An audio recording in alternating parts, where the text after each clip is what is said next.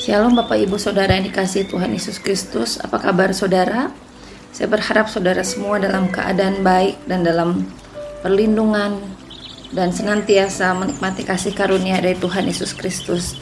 Puji Tuhan, pada kali ini kita akan sama-sama merenungkan firman Tuhan Tentang tema keluarga yang bersyukur. Mari sebelumnya kita akan berdoa terlebih dahulu. Memohon pimpinan dan uh, tuntunan dari roh kudus buat kita semua. Mari kita berdoa Bapa kami dalam surga, terima kasih Tuhan. Untuk satu lagi kesempatan kami boleh bersama-sama merenungkan firman-Mu. Kau berbicara lewat hambamu supaya apa pun firman Tuhan yang dibagikan pagi hari ini, ini boleh memuatkan kami semua yang mendengarnya, membuat kami boleh semakin mengenal akan Tuhan dan membuat kami boleh semakin bertumbuh di dalam Tuhan. Terima kasih Bapak, berkati semua yang mendengarkan firman Tuhan ini supaya firman Tuhan ini boleh jadi boleh menjadi kekuatan buat kami semua yang mendengarkan. Terima kasih di dalam nama Tuhan Yesus kami sudah berdoa dan mengucap syukur. Haleluya. Amin. Pada kesempatan kali ini saya diberikan tema tentang keluarga yang bersyukur. Saudara, setiap orang pasti terlibat dalam satu keluarga. Waktu kita kecil, kita lahir di dalam satu keluarga. Kita pernah merasakan bagaimana rasanya menjadi anak dan setelah kita tumbuh dewasa, saat ini adalah saatnya kita merasakan peran kita menjadi orang tua. Dan setiap orang pasti menginginkan atau memimpikan punya satu keluarga yang bahagia.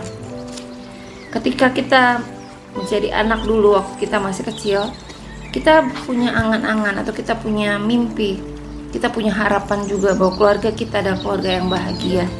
Kita punya bayangan, kita punya harapan bagaimana orang tua kita uh, bersikap, bagaimana orang tua kita berperan menjadi ayah dan ibu yang baik sehingga keluarga kita jadi keluarga yang bahagia. Demikian juga sekarang, ketika kita sekarang sudah berkeluarga, mungkin Bapak Ibu bisa mengingat ketika kita memulai dulu pernikahan kita untuk membentuk satu keluarga.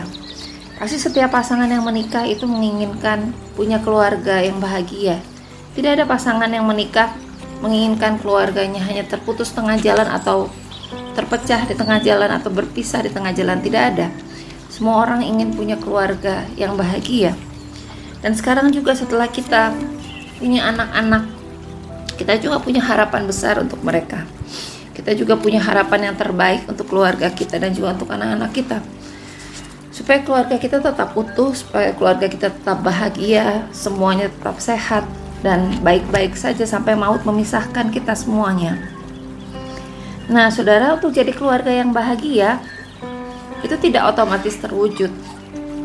Harus ada satu usaha yang dikerjakan, harus ada satu usaha yang diupayakan, yang diusahakan supaya keluarga yang kita bentuk, terutama untuk saat ini dan ke depannya, itu menjadi bahagia. Salah satu caranya yang kita akan pelajari pada saat ini adalah untuk menjadi keluarga yang bahagia, salah satu caranya adalah kita harus menjadi keluarga yang bersyukur seperti tema yang diberikan kepada saya pada pagi hari ini. Nah, sekarang mari kita akan belajar bagaimana caranya menjadi keluarga yang bersyukur. Sebelumnya kita buka dulu di 1 Tesalonika 5 ayat 18. Ada satu ayat di 1 Tesalonika 5 ayat 18 yang mengatakan mengucap syukurlah dalam segala hal.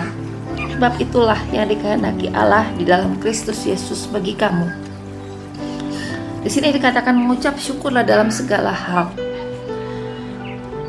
Terutama juga di dalam keluarga kita kita harus mengucap syukur di dalam segala hal. Bagaimana sih jadi keluarga yang mengucap syukur dalam segala hal? Ada dua cara. Yang pertama adalah menikmati setiap fase hidup karena setiap fase hidup mempunyai berkat sendiri dan mempunyai pergumulan sendiri. Kadang-kadang kita lupa bersyukur dalam keluarga kita. Kita lupa bersyukur ketika kita ada di tengah-tengah keluarga. Karena sebabnya adalah kita suka membandingkan diri dengan orang lain. Betul ya? Itu satu godaan yang dialami oleh setiap orang.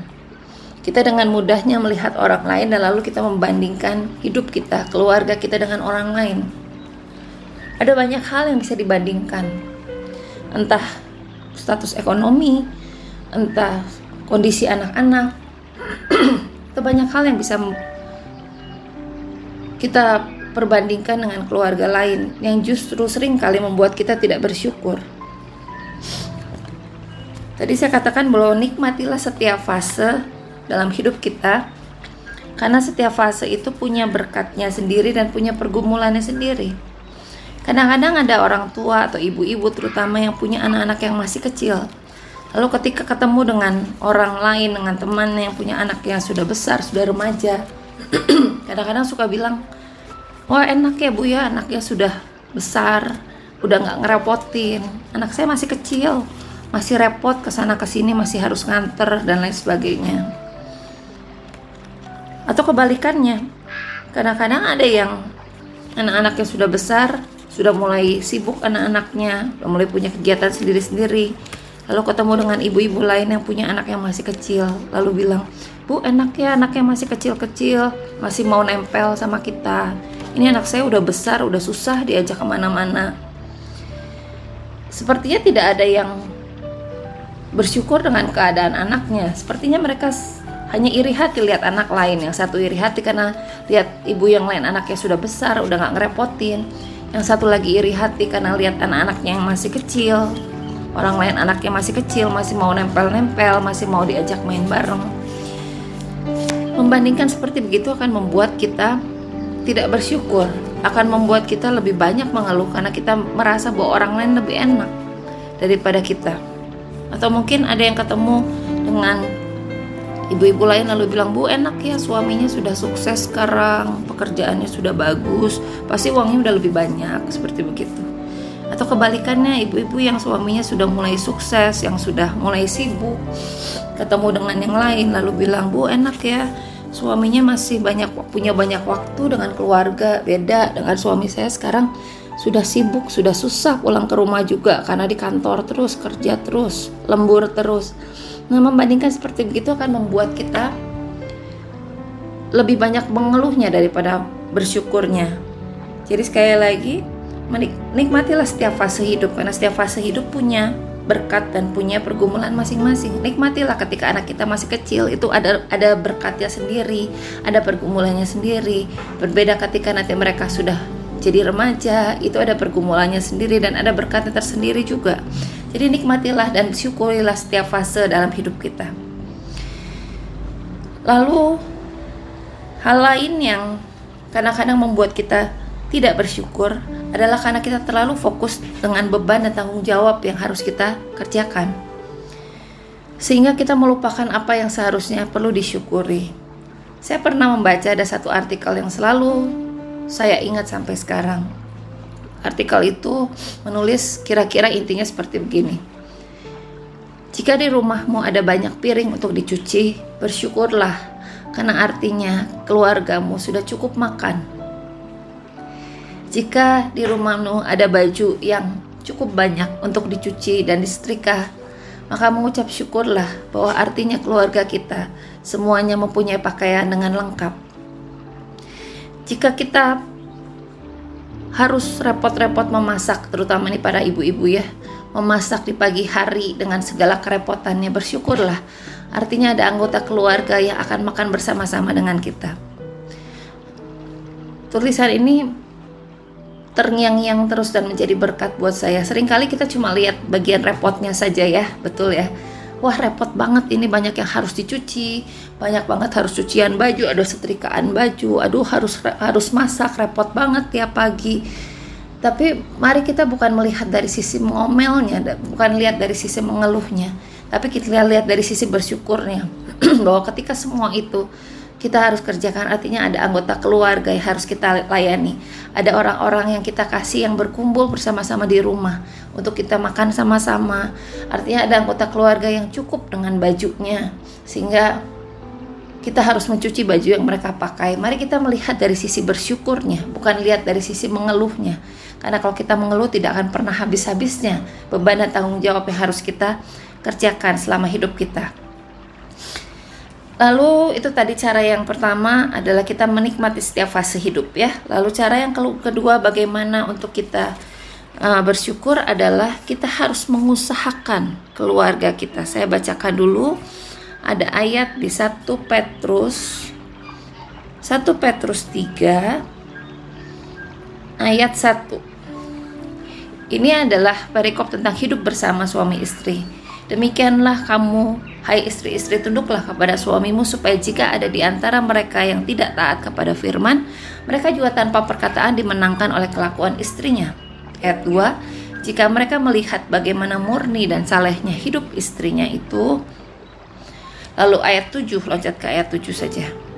Demikian juga kamu hai suami-suami hiduplah bijaksana dengan istrimu sebagai kaum yang lemah Hormatilah mereka sebagai teman pewaris dari kasih karunia yaitu kehidupan supaya doamu jangan terhalang. Saudara nanti kalau mau baca perikop lengkapnya ini saya hanya uh, cuplik ayat saja tapi saudara kalau membaca di 1 Petrus 3. Ini adalah tentang hidup bersama suami istri. Keluarga itu bukan hanya untuk dipertahankan. Jadi kita bukan bertugas untuk mempertahankan keluarga, tapi kita harus bertugas untuk mengusahakan keluarga. Apa bedanya sih bertahan dengan mengusahakan? Kalau bertahan itu hanya pasrah saja. Oh, status saya hanya sebagai istri, saya bertahan saja sebagai istri seumur hidup saya. Status saya hanya sebagai uh, ayah, saya bertahan sebagai ayah dan sebagai suami seumur hidup kita. Tapi keluarga yang baik itu bukan hanya untuk dipertahankan, tapi untuk diusahakan. Apa bedanya?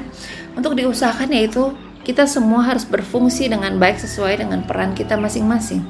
Seorang istri, seorang ibu itu harus mengusahakan untuk hidupnya dia semakin baik, setiap hari semakin baik dalam perannya menjadi seorang istri. Dia harus semakin baik dalam perannya menjadi seorang ibu bagi anak-anaknya. Demikian juga orang tua, demikian juga ayah. Ayah juga harus berusaha setiap hari semakin baik menjadi seorang suami, semakin baik menjadi seorang ayah buat anak-anaknya. Jadi bukan hanya pasrah, oh saya hanya seperti begini, saya memang seperti begini, saya tidak mau berubah gitu ya. Kalau keadaan saya memang begini, itu suatu hal yang kurang baik. Karena kita hanya bertahan saja dalam posisi dan status kita sebagai istri atau sebagai suami. Tetapi yang baik adalah kita harus mengusahakan supaya fungsi kita sebagai istri, fungsi kita sebagai suami itu bisa sesuai dengan apa yang firman Tuhan uh, katakan di dalam salah satunya di dalam perikop yang tadi dan juga banyak perikop lain tentang suami dan istri. Salah satu cara tanda kita bersyukur adalah dengan kita melakukan atau kita mengusahakan apa yang sudah Tuhan berikan dalam hal ini keluarga kita dengan baik sama seperti kalau misalnya kita, anak kita ulang tahun lalu misalnya kita punya anak laki-laki. Dan kita kasih mainan mobil-mobilan misalnya. Um, kalau dia hanya hanya mobil-mobilan remote misalnya yang bisa ada remote-nya yang pakai baterai seperti begitu. Kalau dia hanya terima saja ya mobil itu tidak akan berfungsi dengan baik. Beda kalau dia mengusahakan bagaimana supaya mobil itu bisa jalan dia mempelajarinya dia mau cari baterai, dia pasang baterai, lalu dia mempelajari bagaimana supaya mobil-mobilan remote itu bisa berfungsi dengan baik. Tentu kita sebagai orang yang memberikan hadiah kita akan senang karena anak yang diberikan hadiah itu dia bisa mengusahakan dengan baik. Itu adalah salah satu tanda bahwa dia bersyukur, dia senang dengan pemberian kita karena dia mengusahakan mobil-mobilan itu supaya bisa berjala, uh, bisa dimainkan dengan baik. Nah demikian juga dengan keluarga kita. Keluarga kita adalah um, kado dari Tuhan, hadiah dari Tuhan dalam kehidupan kita. Dan tentunya sebagai kita sebagai orang-orang yang diberikan hadiah keluarga oleh Tuhan, kita harus mengusahakannya supaya keluarga kita juga boleh berjalan dengan baik. Semua orang boleh uh, berfungsi dengan baik dalam keluarganya. Tentu ini bukan satu hal yang mudah dan tentu pembelajaran menjadi uh, anggota keluarga yang baik itu perlu dikerjakan seumur hidup, saudara. Tidak ada pernah berhentinya belajar untuk menjadi ibu. Tidak ada pernah berhenti uh, belajar menjadi istri yang baik. Demikian juga untuk para ayah, para suami, tidak ada pernah berhentinya uh, proses belajar untuk menjadi suami dan menjadi ayah yang baik. Ini adalah pembelajaran seumur hidup. Tapi mari kita kerjakan um, tugas kita, fungsi kita sebagai orang tua, sebagai ayah, sebagai ibu, sebagai istri, sebagai suami dengan penuh tanggung jawab, dengan penuh rasa syukur sebagai bentuk satu ucapan syukur kita kepada Tuhan karena Tuhan memberikan keluarga yang baik. Tentu setiap keluarga punya masalah.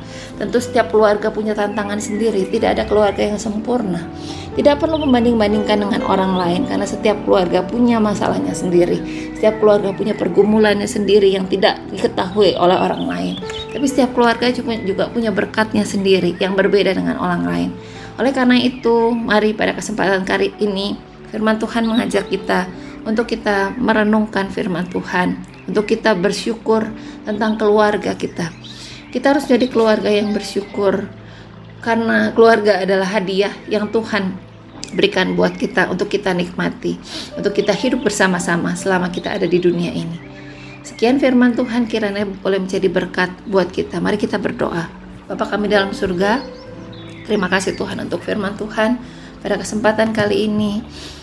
Kami kembali diingatkan untuk kami boleh menjadi keluarga yang bersyukur. Ampuni Tuhan kalau selama ini kami lebih banyak mengeluh dalam keluarga kami, Mungkin kami suka membanding-bandingkan diri dengan orang lain dan kami mulai mengomel, kami mulai mengeluh.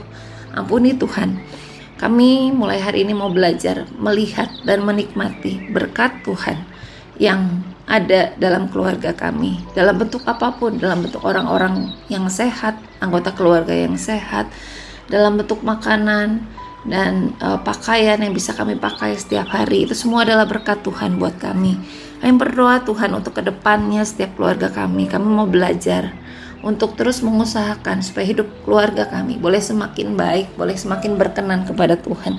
Tuhan tolong setiap orang tua yang mendengarkan firman Tuhan pada kali ini, setiap ayah, setiap ibu untuk kami boleh diberikan hikmat, kami boleh menjadi uh, ayah dan ibu yang lebih baik, boleh menjadi suami dan istri yang lebih baik yang sesuai dengan firman Tuhan. Terima kasih Bapak meteraikan firman Tuhan dalam hati kami untuk kami boleh melakukannya dan hidup semakin sesuai dengan firman Tuhan. Terima kasih Bapak di dalam nama Tuhan Yesus kami bisa berdoa dan mengucap syukur. Haleluya. Amin. Sekian firman Tuhan, Tuhan Yesus memberkati.